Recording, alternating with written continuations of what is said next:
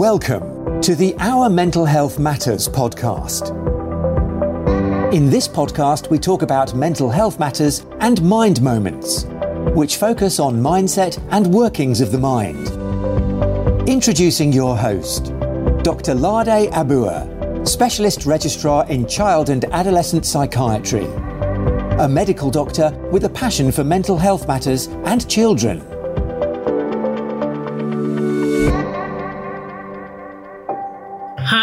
Everyone, it's Lada here. Welcome to our Mental Health Matters podcast. Today I will be talking about bullying.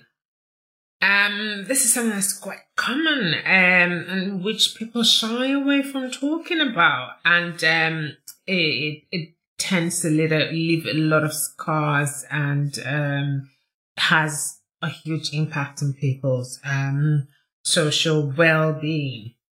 So to go straight ahead, what is bullying? Bullying tends to occur when someone else seeks to undermine or intimidate another. And it can take place anywhere, can happen at school, work, home, and even just while out and about walking. It affects millions each year and it's it's something that tends uh you know to be overlooked and not talked about quite often or as much as it should be. So what are the types of bullying? There's uh there's a physical bullying which occurs when someone hurts another's body with parts of their own body or with a weapon and it's usually uh, pre- preceded by another form of bullying, uh, such as uh, verbal bullying, verbal abuse, or relational bullying. Where the verbal uh, bullying is uh, tends to range from name calling to uh, threatening to insulting to um, berating someone else. And um, this is, I will say, one of the most common uh, ones to, to occur.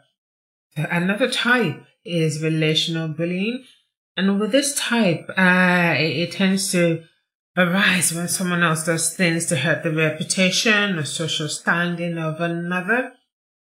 This would often involve maligning or spreading false stories uh, with the intent to damage that individual's reputation. And um, that this this this this is what some uh some legal professionals will call easily termed defamation of character. Um and you know it's resulted in lawsuits and legal actions. And the fourth type of bullying i will be talking about is collective bullying. Now this is when just more than one individual is doing the bullying. It usually involves a group people like uh like a clique or like a gang um you know bullying an individual that's more than one people several in a group uh bullying that particular individual. Aside the types there's also different categories different categories based on you know the the the the driving force for that bullying incident or period uh, examples of this will be racial when it's based on the person's skin color, uh, religious when it's based on the person's uh, faith or beliefs. Uh, the, the homophobic type will be based on this person's um, sexual orientation. And um, sizeist, this is usually based on someone's body size, and sexist is based on um, someone being of the opposite sex. And lastly, cyberbullying, which tends to occur online and which um, is, I would say, uh, at, at, the same par as uh, verbal bullying, if not more, uh, with the recent, um, you know, increase in internet and social media activities. So why do people bully? Uh, people bully for several reasons. I mean, and this is not not really uh, um, uh, a way to justify them or justify uh, why uh, the the bully, but just to look at the the the, the reasons why bullies bully. Now, we can't say because you know it's because the the it's it's uh, out of jealousy of that particular person with their success, uh, their perceived advantage over uh, of, of, of the individual's perceived advantage over them, or they're jealous of the person's possessions or envious of them, or they feel insecure about themselves and will try to, you know, bring others down to make themselves feel better. Like, um, yeah, yeah, I, I feel so insecure about myself. I have to look at someone else's, uh, um, success or someone else's perceived advantage and try to find faults in that to make, you know, to make myself or themselves feel better. I don't bully, so, but I've just used that as an example there. And the, the, sometimes it could be because they've had, um, they've experienced a traumatic or stressful situation in their life currently, which is having an impact on them, or they are using it as an outlet slash, um, called defense mechanism or they've been bullied themselves. They have a difficult home life. They have a difficult situation going on at the moment. They have poor education. They have a need to dominate others. Um, and often uh, it's usually, you know, people who lack remorse tend to uh, be the ones to, to bully a lot more uh, they want to improve their social status as it's, it's, you know, it's perceived as being cool that you can lord things over others. Um, like, you, you, it's, it's, it's, it's, um, it's a bossy thing, you know, for you to be able to bully others and lord things over them. Or they feel they can get away with it. Um, you know, the, the thought that they can do this to other people and get away with it and nothing will happen to them or there'll be no consequence at all is you know, one of the reasons people bully. So what to do if you're being bullied? One, don't keep it to yourself. Reach out and make other people around you aware.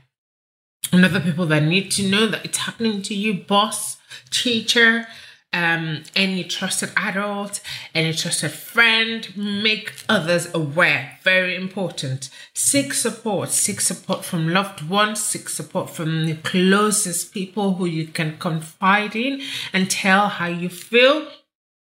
Thirdly, report it. It is so important. Bullies get away with bullying other people because a lot of people don't report it, a lot of people don't talk about it, a lot of people shy away from expressing their feelings about it and expressing that it's happening to them. Fourth, know that it had nothing to do with you, but everything to do with them. All the reasons that we talked about earlier about people bullying is related to them. Uh, as, as I talked about before, um, and not necessarily to you. Five, seek resources that will help with how you feel and your thoughts about it.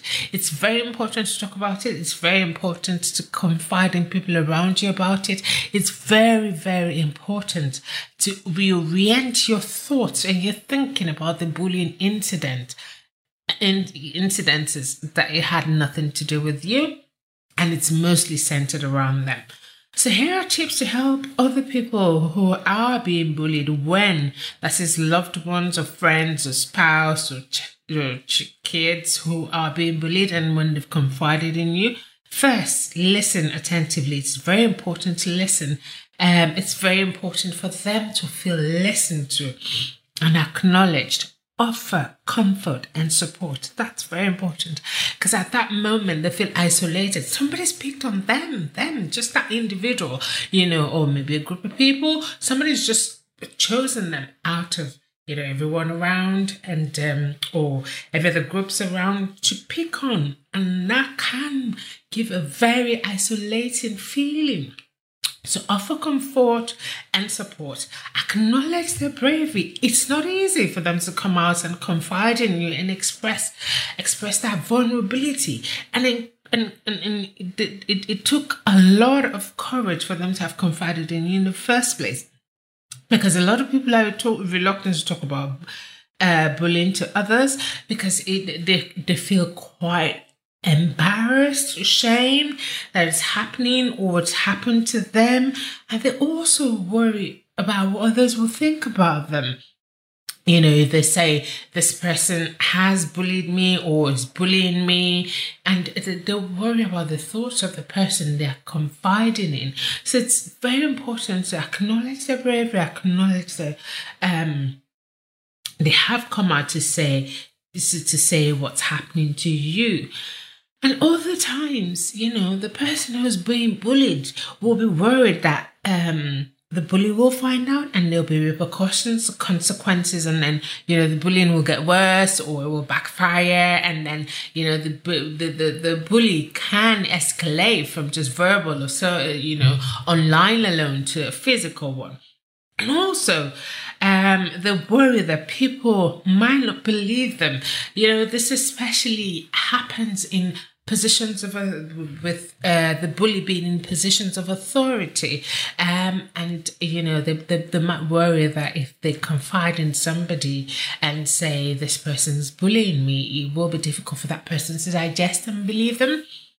Also compliment them in that area that they're bullying that they're being bullied about if it's like we talked about before in terms of the sizes or the sex sex relates i mean sexist category of bullying or about their faith or sexual orientation because that area of their life has taken a knock. So it's important to compliment them because automatically, once that area of their life has taken a knock because of the bully, unconsciously they would already start to feel insecure about it. So compliment them, help them feel better about that area in which that person has bullied them about.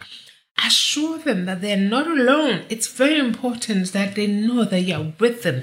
They've chosen you to confide in in in uh, in all the people around them, and you know, a lot of people get bullied at some point and it's important to let them know it's not about you, it's about the person that's that's bullying you.